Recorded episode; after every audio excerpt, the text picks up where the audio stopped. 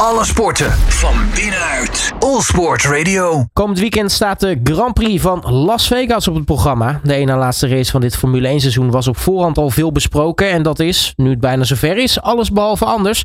Na de locatie en de layout van het circuit is het nu eh, banden en de temperatuur wat de klok slaat. Ik ga erover in gesprek met Ronald Vording van motorsport.com. Eh, Ronald, hele goede middag. Goedemiddag. Ja, voordat we het over de Grand Prix gaan hebben, eerst nog even een klein uitstapje. Heb jij de kalender van Bottas al besteld? nee, die, eh, die sla ik eh, met permissie even over als je het niet heel erg vindt. Ja, even een kleine uitleg. Uh, Bottas was natuurlijk nou, de laatste tijd toch wel enigszins in het nieuws te vinden. Af en toe vanwege een, nou ja, een foto dat hij weer ja, naakt in een beekje lag ergens. maar daar hebben ze nu een soort kalender van gemaakt voor het goede doel, hè? Ja, ja, klopt. Nee, het initiatief is, uh, is erg goed. Maar goed, uh, nogmaals, ik sla hem denk ik heel even over. Maar aan alle mensen die luisteren, alle mensen thuis, uh, van harte aanraden, kopen. Want het gaat inderdaad naar een goed doel. Mooi. Sin City, Ronald, daar gaan we het over hebben. de vorige uitstap van de Formule 1 die beviel niet zo. hoe zijn de geluiden voor deze editie?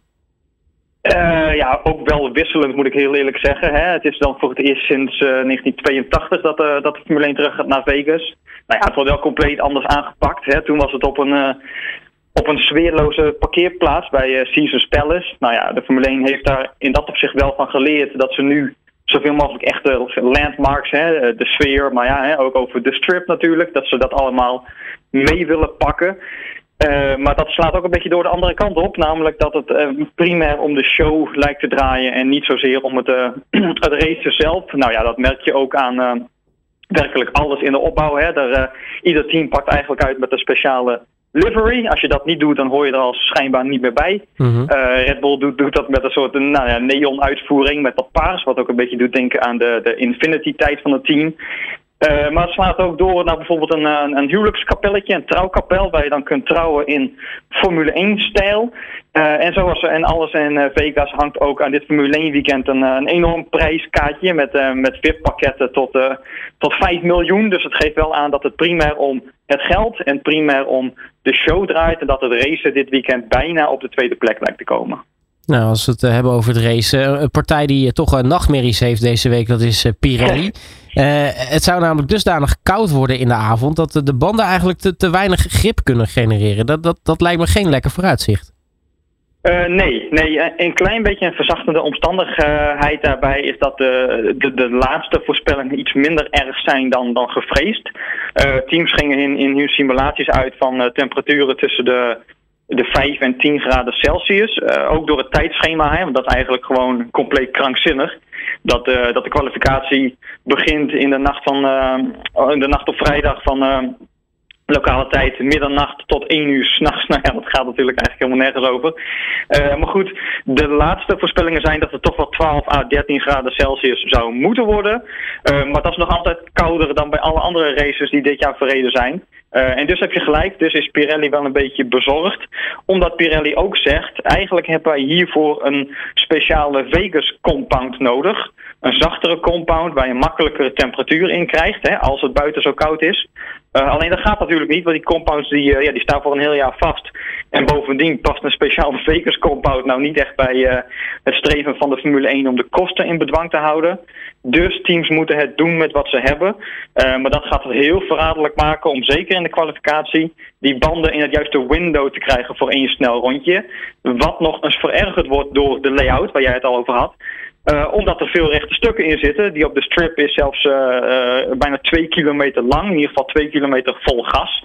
Ja, dan gaat alle temperatuur überhaupt uit die Pirelli-banden. Dus dat maakt de uitdaging voor Pirelli, maar ook voor alle teams die dit heel moeilijk hebben kunnen simuleren. Veel en veel en veel groter dan normaal.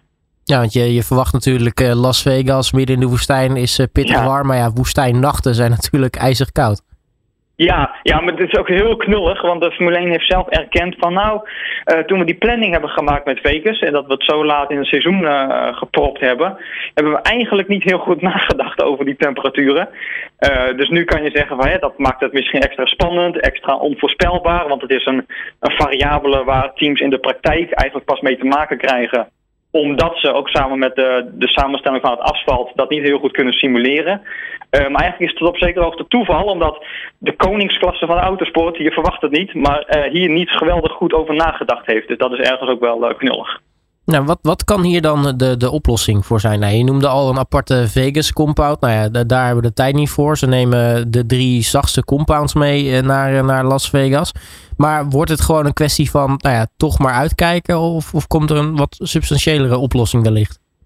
Nou ja, dat ligt er denk ik ook aan hoe, hoe, slecht het in de praktijk gaat zijn. Uh, dat gaat ook die vrije trainingen wel leuk maken. Hè? Want normaal zeg je van. Uh, de Formule 1 zegt dat in ieder geval hè, drie vrije trainingen zijn te veel. Uh, daardoor wil ze ook het sprintformat. Maar nu is er zoveel te testen, zowel qua long runs als dus ook die kwalificatiesimulaties. Want die gaan dus heel belangrijk worden in die vrije trainingen. Hoe ga je die banden het, op de juiste manier voorbereiden? Dus heb je gewoon één warm-up lap nodig, zoals normaal? Of moet je een dubbele warm-up lap doen om ze toch in een juist window te kunnen krijgen? Uh, nou, dat soort dingen maken dat die vrije trainingen uh, nog meer gewicht krijgen dan normaal. Uh, en of er dan voor dit weekend überhaupt nog een andere oplossing aan te dragen valt, dat durf ik te betwijfelen. Want dat zal dan eerder voor de editie van 2024 gaan gelden, denk ik. Nou, maakt het weekend natuurlijk wel des te interessanter. Nou, je noemde de, de rechte stukken al. Dat is ook wel een van die dingen die dat nieuwe circuit wel typeert. Hè? Enorme lange rechte stukken. Ja, ja, kijk, en dat maakt het ook weer uh, lastig. Omdat je daarvoor eigenlijk met relatief weinig downforce natuurlijk moet rijden. Want je moet uh, competitief zijn qua topsnelheid. Uh, maar ja, ook dat maakt het qua banden weer ietsje lastiger. Dus het is ook nog niet zo heel eenvoudig uh, om een juiste setup te vinden. Uh, dat geldt des te meer omdat er eigenlijk geen, uh, geen referentiemateriaal is. Historische data heb je dus sowieso niet. maar het is ook heel moeilijk te vergelijken met, met andere circuits. Pirelli heeft dan wel gezegd, hè, wij hebben sommige simulaties hebben wij gebaseerd op, op Baku.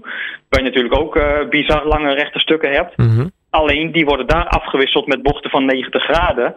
Uh, en in Vegas is het toch wel iets vloeiender dan dat. Dus eigenlijk is het uh, om heel veel uiteenlopende redenen echt een, uh, ja, een sprong in het diepe. En normaal gaan Formule 1 teams heel goed voorbereid zo'n raceweekend in. En dat is nu eigenlijk niet zo, waardoor het nog meer op de uitvoering zelf aankomt. dan op de verschillen tussen de auto's, die achter Red Bull sowieso natuurlijk al marginaal klein zijn. dus daardoor valt een verrassing dit weekend zeker niet uit te sluiten. Ja, want als het toch hebben, ja, weinig downforce, langrechte stukken, vloeiend uh, verloop. Uh, ik, ik, verwacht dan denk ik toch wel weer een, een, Williams wel weer ergens vooraan te vinden. In ieder geval teams die normaal gesproken wat struggelen met de downforce. Ja, die hebben natuurlijk uh, op snelle circuits vaak wat, wat, wat, wat betere kansen. Ja, absoluut. Als je moet gewoon een, een, uh, een auto hebben die, die van nature van zichzelf dus relatief weinig drag heeft, relatief weinig luchtweerstand. Uh, nou ja, dat heeft die Williams absoluut in optima forma, uh, waardoor een Monza en dat soort banen ook heel goed bij dat team passen.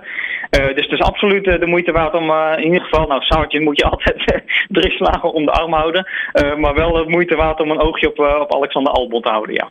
Ja, dan zal Mercedes het waarschijnlijk wel moeilijk hebben. Ja, die, uh, die, hebben, nou ja, die wil natuurlijk sowieso heel graag terugslaan naar Brazilië. Dus dat is het enige voordeel. Slechter dan het Brazilië-weekend kan eigenlijk niet. Uh, maar die uh, hebben naast dat ze nog altijd wel problemen hebben met het algemene concept... ook nog altijd veel te veel drag. Dus um, ja, ik weet niet of Toto en Co nou meteen heel erg uitkijken naar deze layout... Uh, maar ja, nogmaals, het was in Brazilië natuurlijk ook een probleem doordat er het sprintformat, dat je maar één vrije training had en daardoor aan Park van Mee vast zat. En in alle wijsheid heeft de Formule 1 in ieder geval besloten om van Vegas geen sprintweekend te maken, want dan hadden teams echt een, een enorm groot probleem gehad. En nu krijgen ze in ieder geval drie vrije trainingen voorgeschoteld om uh, ja, de setup een beetje naar wens te krijgen. Ja, wat verwacht je van het weekend aan zich? Want uh, wordt het nou ja, toch gewoon voornamelijk uh, glitter en glamour en uh, nou ja, af en toe een beetje race tussendoor? ja, daar ben, ik, uh, daar ben ik eigenlijk wel bang voor. Ik, ik had het er ook met, met Verstappen in, in Austin over. over die drie races in Amerika. Hè. Toen zei hij van nou, als je kijkt hoeveel dat we in Europa hebben, dan zijn drie Grand Prix in Amerika wel terecht. Uh, en Austin is hij ook gewoon wel echt fan van. Miami zei hij al van, ja, die, die, mooie omgeving, maar die layout, nou, dat kan me niet heel erg bekoren. Uh, maar Vegas, dat lijkt echt Miami in het kwadraat te worden en nog misschien wel meer dan dat. Uh, over de layout daar kun je heel veel op aanmerken, maar ja, dit draait gewoon primair om de show en om het geld. En Max zei ook letterlijk toen ik hem vroeg, normaliter ga je naar Vegas voor andere dingen dan autosport. En daar heeft hij natuurlijk volledig gelijk in. Alleen ja, de Formule 1 wil dit goed goed laten slagen. Echt, ja, ook daardoor zelf heel veel hype creëren. Omdat, en dat is wel goed om te noemen, alle races eigenlijk een lokale promotor hebben. Zo ook de race natuurlijk in Zandvoort. maar dat Liberty Media rechtstreeks, dus de eigenaar van de Formule 1, rechtstreeks de promotor van dit event is. Uh, dus ja, dit draait primair om geld, primair om de show. En ik ben een heel klein beetje bang dat het racen, ondanks dat het wel onvoorspelbaar en daardoor leuk kan worden, maar dat dat toch een beetje naar de, naar de tweede plek verdrongen wordt. Nou, tot slot wordt dit, uh, wordt dit een beetje een Monaco 2.0? Nou ja, ik vind die vergelijking een klein beetje mank gaan. Kijk, uh, Monaco heeft natuurlijk de historie. En, en weet je, uh, die, die race op zondag is vaak niet de meest enerverende. Uh, maar zeker als je zelf in Monaco bent en, en je ziet die auto's daar uh, 2 mm van de vangrail af en soms nog minder dan dat. Dat is gewoon heel indrukwekkend. Maar ook omdat je de hele achtergrond kent, weet je wel. En Vegas mist gewoon die historie en is meer een, een rijke luisfeestje. Dus ik hoop heel erg dat het op termijn die status kan bemachtigen. Maar ja, ik heb nu nog wel een klein beetje sceptisch daarover. Nou, we gaan het allemaal eh, zien uh, komend weekend daar in uh, Las Vegas. Ronald Voording van motorsport.com. Dankjewel voor je tijd en nou ja, toch veel kijkplezier komend weekend. Ja, nou, dat komt vast wel weer goed. Alle sporten van binnenuit. All Sport Radio.